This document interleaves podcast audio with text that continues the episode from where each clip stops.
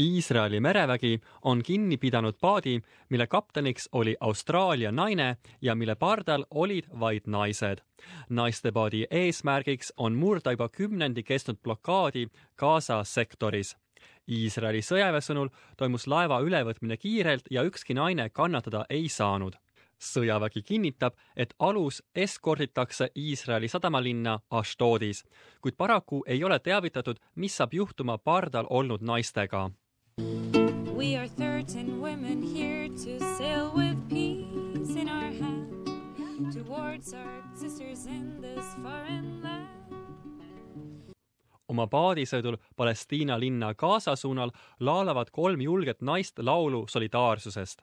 Nad on osa kolmeteistkümne liikmelisest naistegrupist pardal Saituna Olivia, mida kutsutakse ka naiste laevaks Gazasse naisegrupi hulgas leidub mitmeid parlamendiliikmeid kogu maailmast, olümpiaatleet, pensionil viibiv USA armee kolonel ja Nobeli rahupreemia laureaat.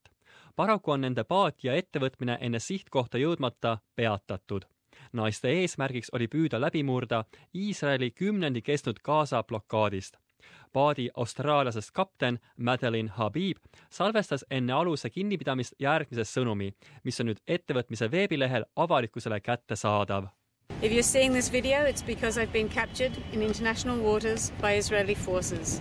I urge you to contact the Australian government, the Department of Foreign Affairs and request my immediate release.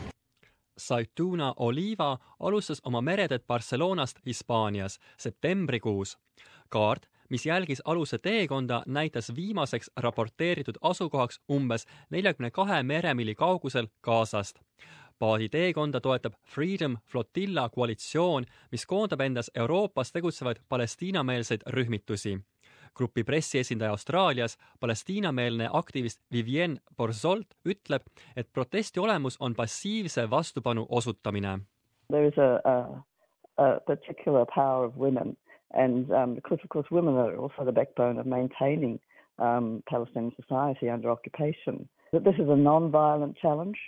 Iisrael ja Egiptus kehtestasid blokaadi Gazale peale seda, kui sõjakas Hamasi rühmitus saavutas võimu rivaalitseva Fatah organisatsiooni üle kahe tuhande seitsmendal aastal blokaad on lämmatanud niigi nõrgas, nõrgas seisus olevat Gaza majandust, kus tööpuudus on juba üle neljakümne protsendi.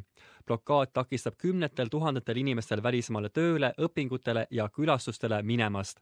Iisraeli sõnul on piirangud vajalikud vältimaks Hamas rühmitusele relvade importimist ning lisab, et blokaadi on vähendatud võimaldamaks territooriumile kaupade tarnimist Iisrael peab Hamasi terroristlikuks rühmituseks alates Hamasi võimuletulekust on Iisrael ja Palestiina võidelnud omavahel kolm konflikti.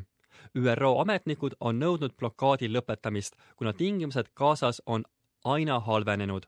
Austraalia välis- ja kaubandusministeerium soovib kinnitust aruannetele, et Austraalia kodanik on Iisraeli võimude poolt kinni peetud